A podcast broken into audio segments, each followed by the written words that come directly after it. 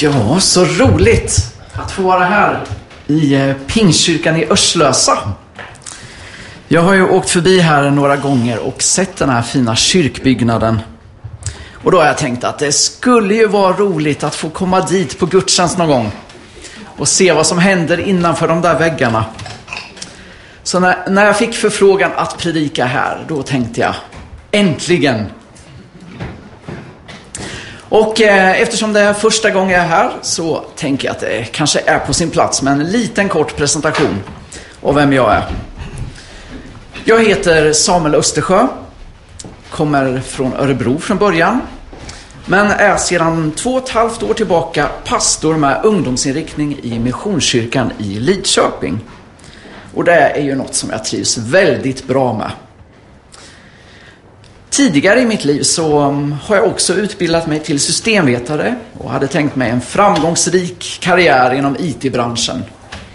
Men livet fick plötsligt en helt annan vändning och det är jag idag oerhört tacksam för. Och jag ska inte gå in så mycket på det idag, men vad det handlar om det var att jag på olika sätt fick följa Jesus in på nya vägar. Och vad jag har förstått så är det just de där orden, följ mig, som eh, ni har som tema i den här församlingen just nu. Och när vi går in i påskveckan så kanske de orden blir extra utmanande och konkreta för oss. När vi får följa Jesu väg genom lidande och död. Ända fram till segern på påskdagens uppståndelse Är det inte fantastiskt? Tänk vad som ligger framför nu. Men idag så är det palmsöndagen.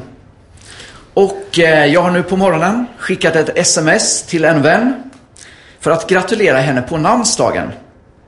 Och hon är nog den enda jag känner som firar efternamnsdagar. För eh, hon heter nämligen Palm i efternamn. Och då brukar de säga det att palmsöndagen det är hennes efternamnsdag. Och vi andra som känner henne, vi har förstått att det där det är väldigt viktigt att fira. Men palmsöndagen, det är inte bara någons efternamnsdag. Utan det är också dagen då vi brukar läsa om när Jesus red in i Jerusalem på en åsna.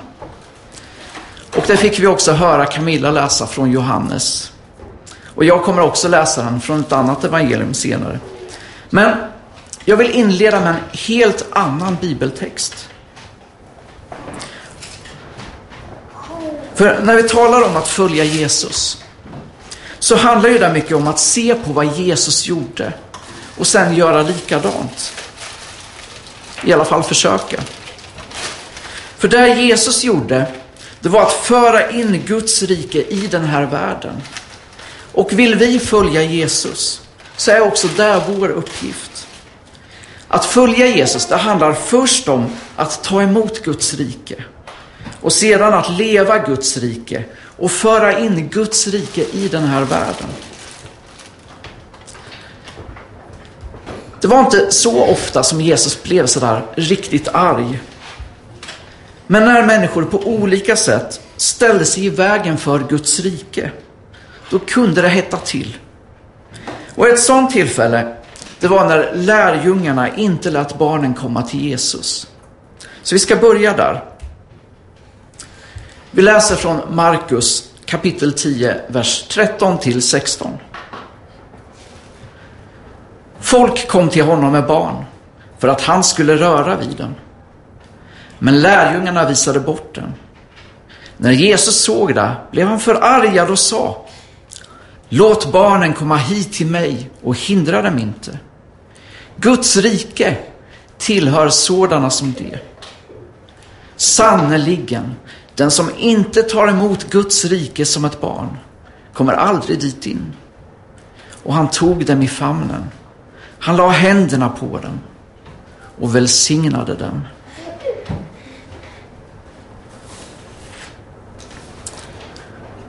Jesus är här väldigt tydlig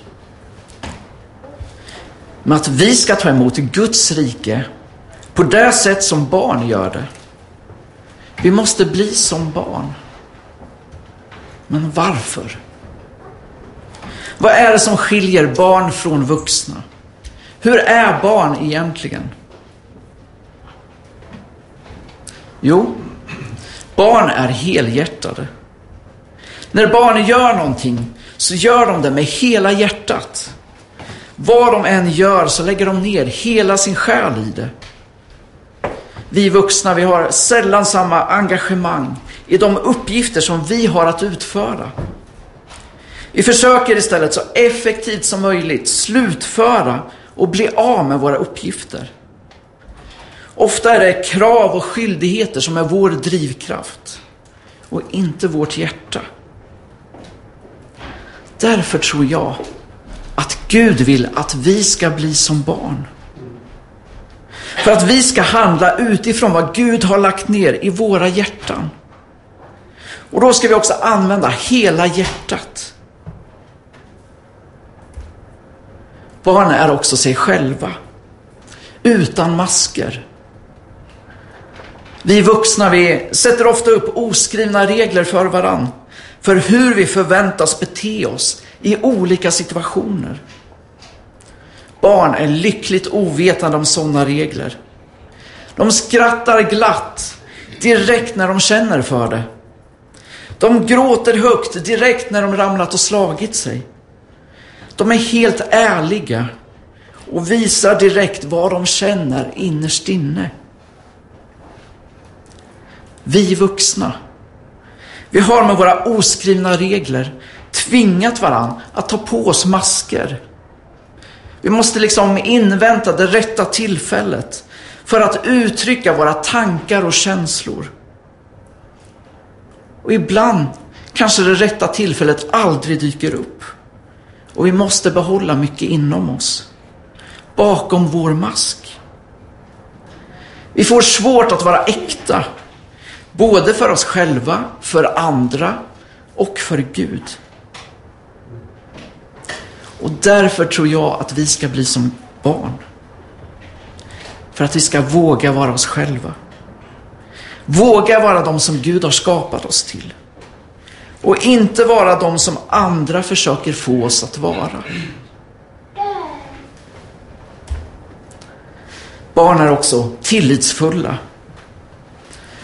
För ett litet barn så är föräldrar allsmäktiga. Men någonstans på vägen så måste den bilden rasa. Och vi upplever ett slags svek när vi upptäcker att mamma och pappa, de kan inte lösa alla världens problem. Vi får då svårare att lita på dem. Och de vi inte litar på blir det också svårare att ha en djup relation till. Och detta tror jag även präglar vår relation till Gud.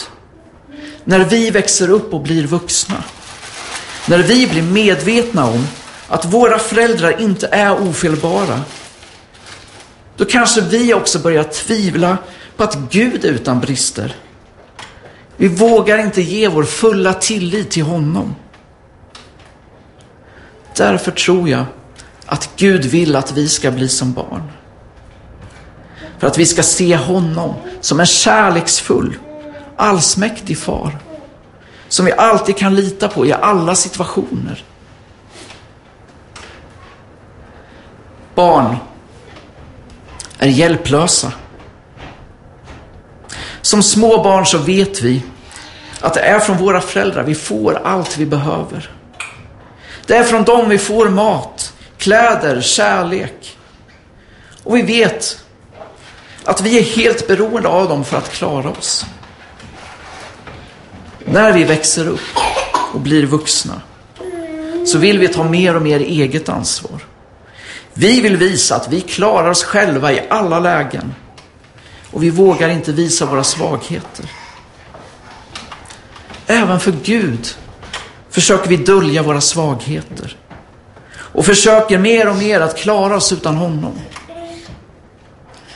Därför tror jag att Gud vill att vi ska bli som barn. För att vi ska inse hur små och hjälplösa vi är i oss själva. Vi ska inte vara rädda för vår svaghet, utan vi ska lägga den i Guds händer. och inse hur beroende vi är av honom. Och med den här uppmaningen att bli som barn vill jag nu gå vidare med berättelsen om Jesus och åsnan och intåget i Jerusalem. Vi, fick tidigare höra den från Johannes och nu ska jag läsa den från Markus. Kapitel 11, vers 1-10.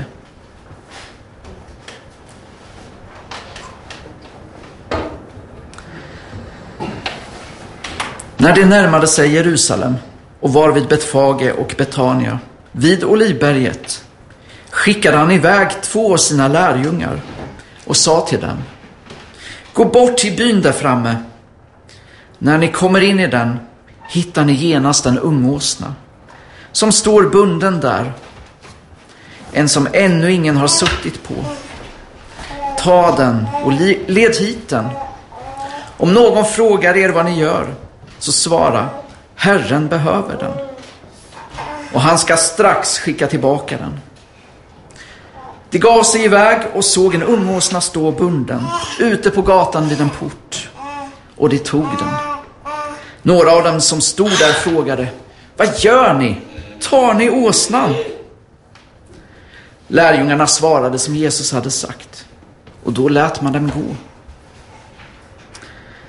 De ledde åsnan till Jesus och la sina mantlar på den. Och han satte sig upp på den. Och många bredde ut sina mantlar på vägen. Andra strödde ut löv som de tog från träden runt om. Och de som gick före och de som följde efter ropade Hosianna, välsignade han som kommer i Herrens namn. Välsignat vår fader Davids rike som nu kommer.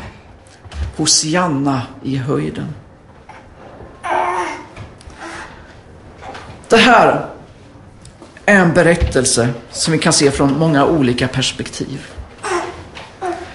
Här vill jag börja med att fokusera på folket som tar emot Jesus och hyllar honom som en kung. Och med utgångspunkt från vad jag tidigare sagt så tror jag att det här är ett av de bästa exemplen i Bibeln på att bli som barn. För vad är det som händer? En stor folkmassa, förmodligen i alla åldrar, släpper plötsligt alla de där vuxna maskerna och gränserna och blir som barn som hänger sig själva helt och fullt till en man som kommer och rider på en åsna. De är helhjärtade. Precis som hängivna fans gör allt för att få en idolautograf på sin t-shirt. Så kommer de där och slänger ut sin jacka på marken. Som får ett avtryck från åsnans små hovar. De är sig själva. Det är ingen som längre bryr sig om vad man bör eller inte bör göra. De lägger ut löv på marken. De klättrar förmodligen som apor i träden för att skära av kvistar. Och de ropar Hosianna och välsignade han som kommer, som om de blivit galna. De är tillitsfulla. De flesta hade nog väntat sig att deras nya kung skulle komma i en stilig uniform på en stor vit ståtlig häst.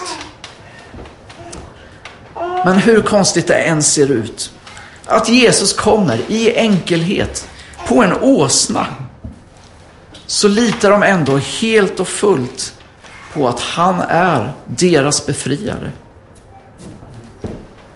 De är hjälplösa. De har insett sin egen litenhet och svaghet. De har gått och längtat efter den nya kungen. De har längtat efter någon som kan hjälpa dem med det de inte själva klarar av. De har längtat efter en befriare. Så när kungen av Guds rike kommer och rider in så tar folket verkligen emot honom som ett barn. Hur många barn har vi här i kyrkan idag? Och då menar jag inte bara de som är två, sju, nio, tretton. Utan de som är 57, 43, 78, 92. Hur skulle du reagera om någon springer in här i kyrkan och säger att Jesus har kommit till Örslösa och han rider på en åsna här ute på gatan?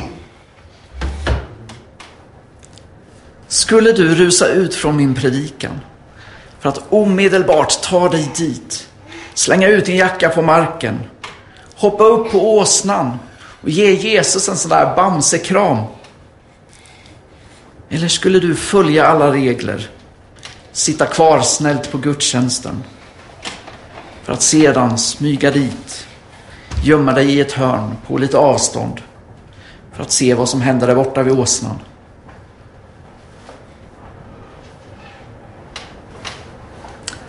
Tänk dig. Tänk dig också.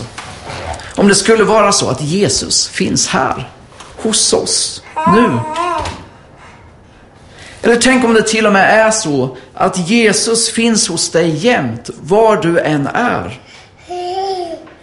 Hur skulle du reagera då?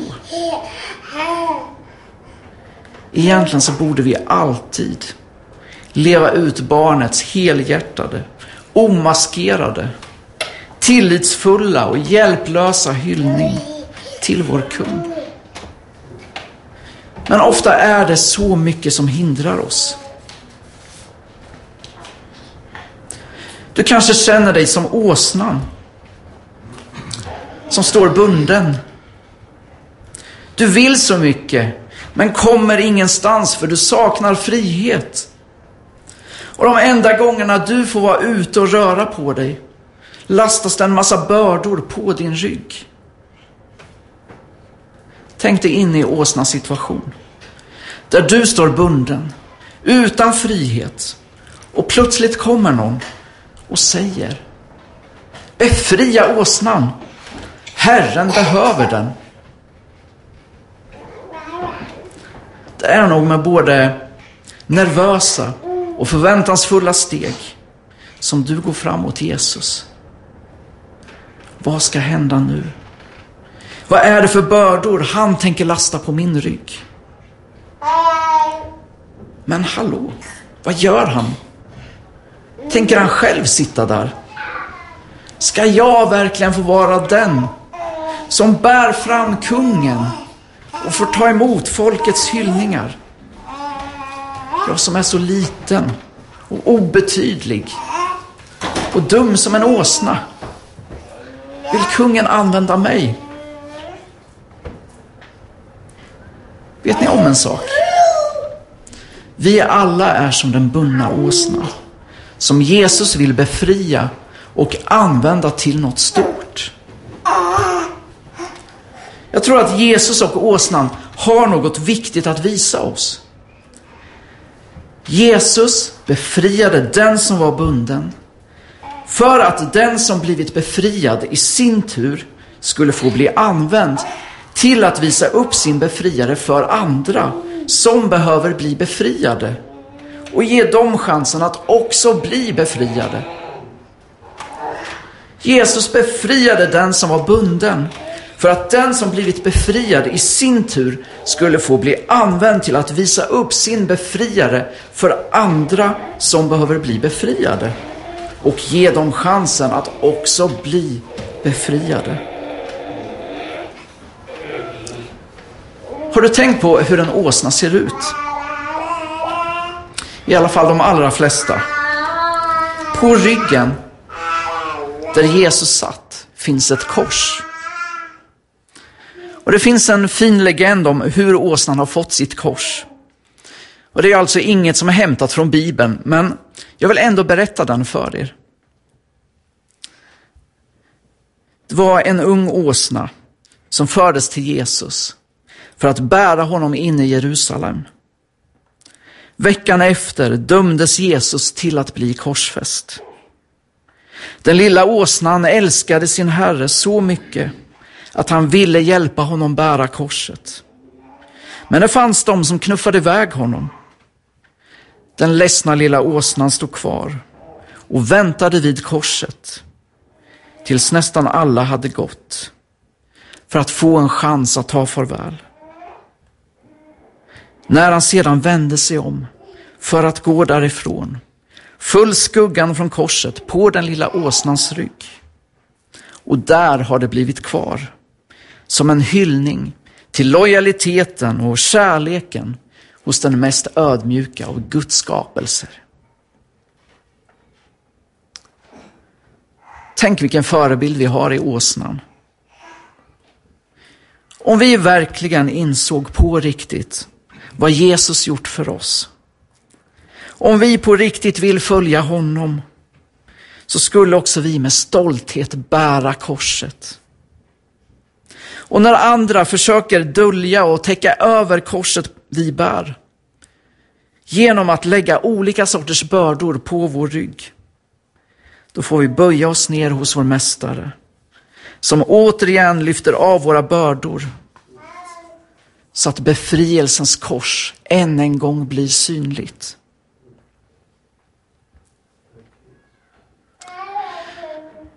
Till sist så vill jag avsluta min predikan med att fokusera på den viktigaste personen i sammanhanget. Jesus.